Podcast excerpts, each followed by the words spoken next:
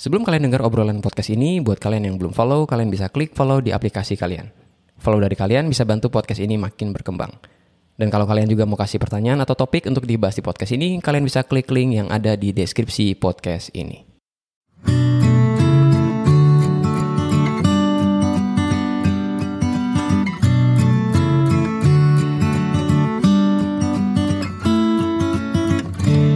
Jadi di episode ini gue mau kasih pandangan gue tentang personal branding ya. Nah pandangan ini adalah pandangan yang saya bawain di sebuah webinar di salah satu Universitas Negeri Kota Bandung. Jadi kebetulan mereka minta saya buat ngomongin tentang kreativitas dan personal branding. Nah waktu saya bawain tentang personal branding ini ada salah satu tulisan di slide-nya yang saya buat. Saya tulis kayak gini bahwa personal branding bukan hanya tentang wajah cantik atau wajah tampan ya. Karena saya ngelihat banyak orang yang memandang personal branding itu cuma sekedar tampil bagus di sosial media ya. Jadi banyak banget yang gue cuma lihat tuh mereka mengira bahwa mereka sudah melakukan personal branding ketika uh, mereka pergi ke cafe, kemudian pesen kopi, kemudian cari spot yang bagus, lalu foto, jangan sampai backlight, jangan lupa. Kemudian dikasih filter terbaru, lalu cari random quotes yang mungkin mereka juga nggak tahu itu apa artinya, lalu mereka taruh di captionnya. Ya, nah menurut gue personal branding tuh lebih daripada itu ya. Ada juga orang yang mengira bahwa personal branding adalah tentang cara kita ngomong sama orang lain. Jadi mereka memoles cara public speaking mereka, cara negosiasi mereka, atau cara bicara mereka ya. Lalu ada juga memandang personal branding adalah tentang membangun kesan pertama. Ya baik itu dari cara penampilan, baik itu dari cara bicara. Nah gue kira personal branding jauh lebih daripada itu ya. Gue ngeliat personal branding ini bukan kayak sebuah bungkus yang harus kita pikirin terlalu banyak sih kalau menurutku ya. Karena gue juga menganggap bahwa personal branding ini adalah tentang value ya. Jadi gue ngelihat personal branding ini lebih kepada apa sih value yang mau kita kasih sama orang lain. Atau ya apa belief atau apa sebuah kepercayaan atau apa yang kita yakini yang mau kita kasih tahu sama orang lain. Tapi don't get me wrong, maksud saya gini, punya feeds yang bagus di Instagram, itu oke. Okay. Punya story yang bagus di Instagram itu oke. Okay. Punya color tone yang coherence yang bagus itu oke okay banget sih. Uh, tapi begitu orang ngelihat kita lalu mereka nggak ngerti kita ini stand buat apa, kita mau speak up buat apa, ya itu hanya sebuah tampilan luar. Dan don't get me wrong juga, kalau kita bagus dalam cara ngomong kita, kita bagus buat kesan pertama, tapi begitu orang mau deal sama kita, mereka bingung bahwa ini orang punya value apa yang bisa ditawarkan kepada mereka gitu kan. Jadi menurut gue tuh personal branding harus lebih kita pikirin lebih banyak gitu ya. Karena menurut gue kita mesti nawarin value kepada orang lain. Baik itu berupa sebuah belief, berupa sebuah value ya yang bisa kita kasih sama orang lain dan itu kasih benefit buat mereka gitu. Karena kalau kita pikirin personal brand atau kita pikirin brand ya dari merek-merek yang bagus gitu kan. Yang mereka tawarin bukanlah hanya sekedar style gitu loh. Yang mereka tawarin dari brand yang bagus ya. Mereka tawarin itu bukan hanya sekedar tampil bagus gitu loh. Tapi mereka tawarin adalah sebuah value. Ya baik itu dari kalau barang bahannya bagus, kemudian uh, mewakili sebuah value yang tinggi ya. Contohnya ya banyak lah ya. Contohnya Nike ya, sebuah perusahaan sepatu yang atau tas atau barang-barang olahraga ya. Mereka tuh nggak ngelihat produk mereka sebagai sebuah gaya doang untuk para atlet ya. Tapi mereka punya slogan kayak gini. Just do it itu slogan mereka ya. Tapi apa yang mereka percaya itu lebih daripada just do it. Kalau kalian search di internet, Nike itu adalah tentang authentic athletic performance ya. Jadi sekali lagi nih, authentic athletic performance ya. Jadi mereka mau kasih sebuah produk yang sangat otentik untuk orang-orang yang otentik gitu kan. Dalam hal ini ya buat para atlet atau ya orang-orang kayak kita yang mungkin atlet bukan tapi kita suka pakai produk Nike gitu. Kemudian Apple ya, Apple itu slogannya think different, tapi mereka stands for ya mereka membuat alat software dan hardware untuk orang-orang yang memang kreatif ya. Jadi kalau kita lihat dari brand-brand terkenal kayak gitu ya, yang mereka tawarkan adalah sebuah value. Nah menurut gue personal brand itu juga sama ya. Jadi kalau kita cuma mikirin tampil bagus di sosial media, lalu kita berharap ada orang yang mau deal sama kita, entah entah itu kita berharap kita jadi brand ambassador mereka, atau tampil di sosial media mereka, atau kita jadi uh, orang yang mempromosikan uh, barang atau jasa mereka, rasanya jauh lebih bagus kalau kita punya value yang mau kita tawarkan kepada orang-orang. Contohnya nih, kalau saya ngomong soal apa personal branding yang saya bawa sama orang-orang gitu ya. Jadi saya punya personal branding itu ada beberapa ya. Contohnya ya saya bangun personal branding saya di dunia pendidikan. Ya karena saya percaya bahwa knowledge itu adalah sebuah sesuatu yang bisa kasih value sama orang. Itulah kenapa ya saya suka baca, saya suka dengar seminar dan saya juga pengen orang-orang tahu uh, knowledge yang mengubah hidup saya gitu kan. Dan saya seorang pengajar, lalu saya punya minat di ngajar, ya saya bangun personal branding saya sebagai seorang pengajar.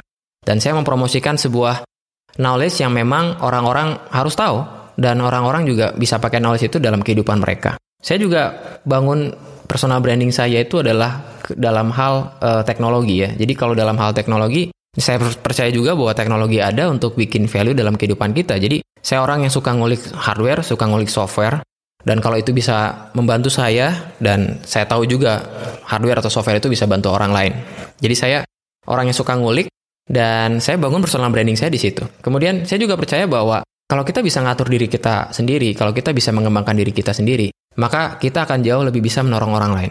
Jadi saya bangun personal branding saya di pengembangan diri dan manajemen diri. Kemudian yang terakhir mungkin saya bangun personal branding saya di value di komunitas ya. Jadi menurut saya komunitas ini penting buat setiap orang. Kita adalah jumlah dari orang-orang terdekat kita. Dan secara khusus karena saya seorang Kristen dan saya punya komunitas di gereja, saya berkontribusi di situ. Ya saya bangun personal branding saya di situ. Ya dan akibatnya setiap saya menyuarakan apa yang saya percayai tentang empat personal brand itu, ya saya ngelihat bahwa banyak orang yang akhirnya menawarkan untuk saya bicara di depan mereka. Jadi saya mendapatkan audiens dari uh, hal-hal uh, itu ya, karena saya bangun personal branding saya di situ.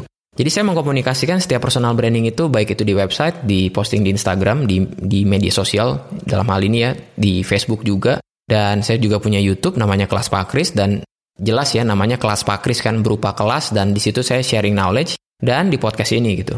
Jadi dampaknya adalah ya orang-orang mulai ngundang, orang-orang mulai tahu, lalu mereka tahu ekspertis saya di situ dan mulai terbentuk personal brandingnya. Ya, jadi bagaimana saya mulai uh, membangun personal branding itu berasal dari sebuah interest ya. Dan itu mungkin kalau kalian bingung uh, apa yang mau kalian bawa dalam sebuah value, kalian mau bawa itu dalam bagi itu di media sosial, mau ada rencana bikin podcast, mau ada rencana bikin YouTube, kalian mesti tahu value apa yang kalian bawa. Nah, langkah praktisnya apa? Ya, menurut saya mulai dari interest kita ya.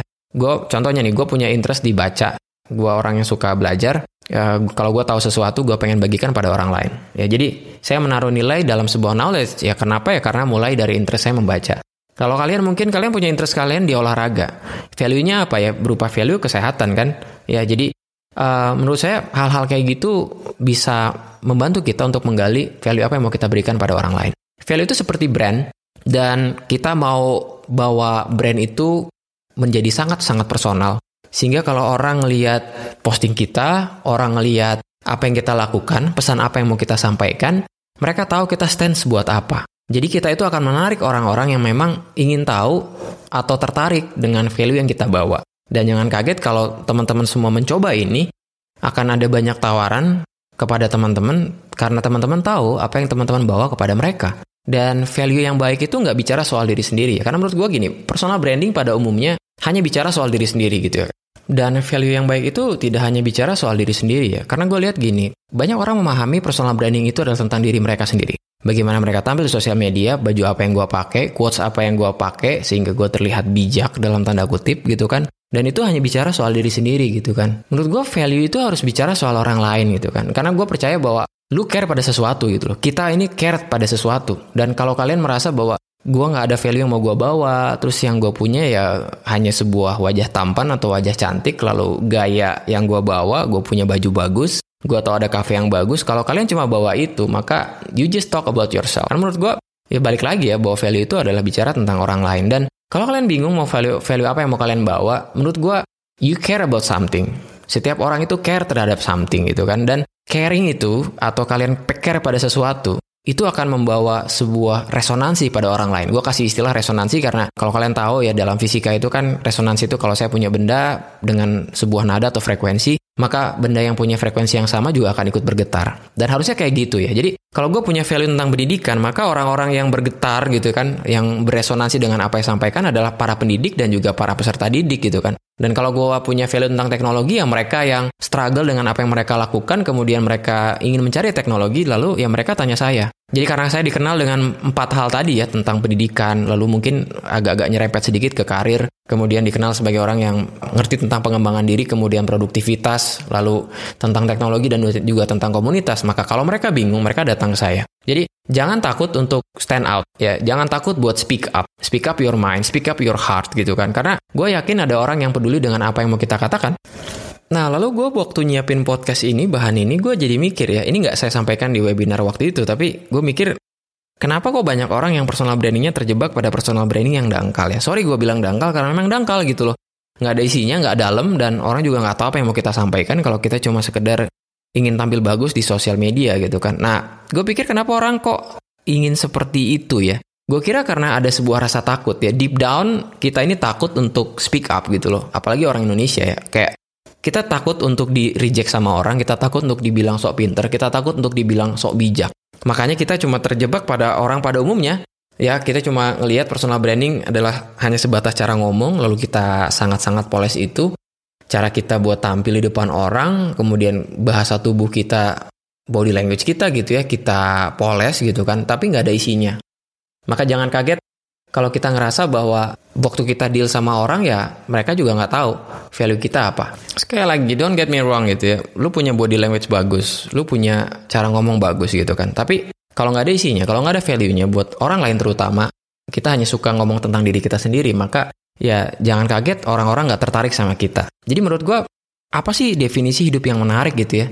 Kalau gue bilang definisi hidup yang menarik adalah satu personal branding kita kita bawa dalam sebuah level value yang memang bermanfaat buat orang lain. Kemudian mereka tahu kita punya interest apa, lalu kita betul-betul dalam tanda kutip passionate karena saya nanti akan bikin podcast tentang passion juga karena sekarang saya kasih tanda kutip. Nanti kalian akan tahu lah kalau kalian uh, dengar pandangan saya tentang passion. But anyway, kalau kita interest pada sesuatu kemudian itu bawa dampak buat kita, lalu kita punya sebuah uh, keyakinan bahwa ini bermanfaat buat, buat orang lain, gue kira itu adalah pesan yang sangat konsisten. Ya maka kita akan menarik orang-orang yang memang tertarik pada value kita dan mereka akan mulai melihat ini orang akan posting apa, kemudian apa yang menarik dari dia, gitu kan. Dan jujur itu yang gue alami sih. Maksud gue begitu gue banyak posting tentang baik itu teknologi, baik itu tentang komunitas, baik itu tentang pendidikan karir, baik itu tentang pengembangan diri gitu kan. Nah begitu gue bawa dalam sebuah seminar maka biasanya tuh ada orang yang bilang bahwa ah gue lihat posting lu tentang ini tuh makanya gue mau tahu lebih banyak. Lalu mereka bilang ya saya ngikutin instagramnya Pak Kris. Kemudian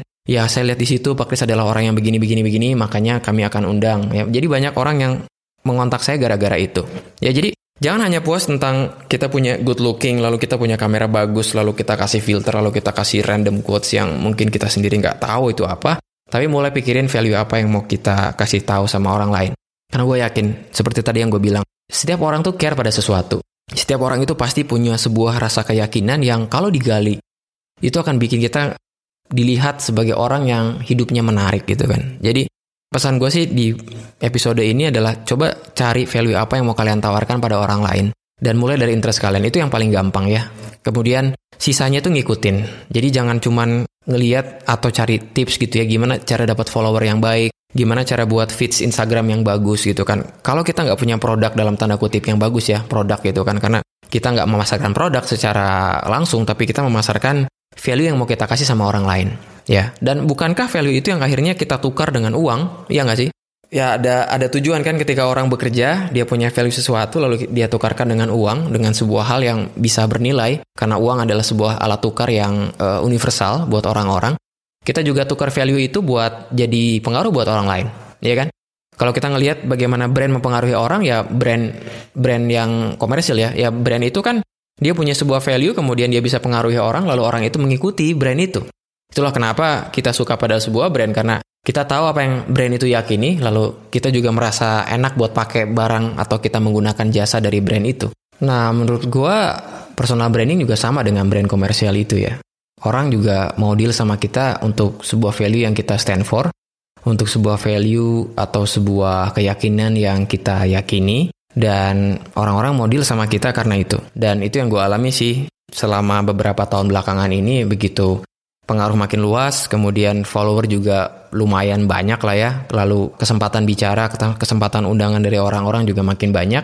Ya karena mereka tahu apa yang bisa saya tawarkan kepada mereka. Jadi gua rasa daripada kita bingung atau daripada kita sibuk ya untuk mikirin gimana gua tampil di sosial media gitu kan. Terus gimana gua mencari filter terbaru lalu gua cari atau gua kumpulin quotes yang bagus-bagus kemudian gua taruh sosial media. Mungkin ada baiknya kita pikirin value apa yang mau kita tawarkan pada orang lain dan sekali lagi Menurut gue personal branding bukan hanya tentang diri kita sendiri, tapi tentang kita kasih dampak buat orang lain. Itu pandangan gue tentang personal branding. Sekali lagi ini adalah pandangan gue dan if you agree it's good. If not well it's okay. Karena itu yang gue yakinin tentang personal branding. Oke okay, so uh, kalau kalian merasa apa yang saya sampaikan ini sangat-sangat beresonansi pada kalian maka well maybe it's time about you to find your own value. It's about time to you to find your own belief ya dan mulai komunikasikan itu dengan orang-orang mulai buat status yang memang konsisten dengan apa yang kita stand for dengan apa yang mau kita speak up kepada orang lain oke okay, dan sekali lagi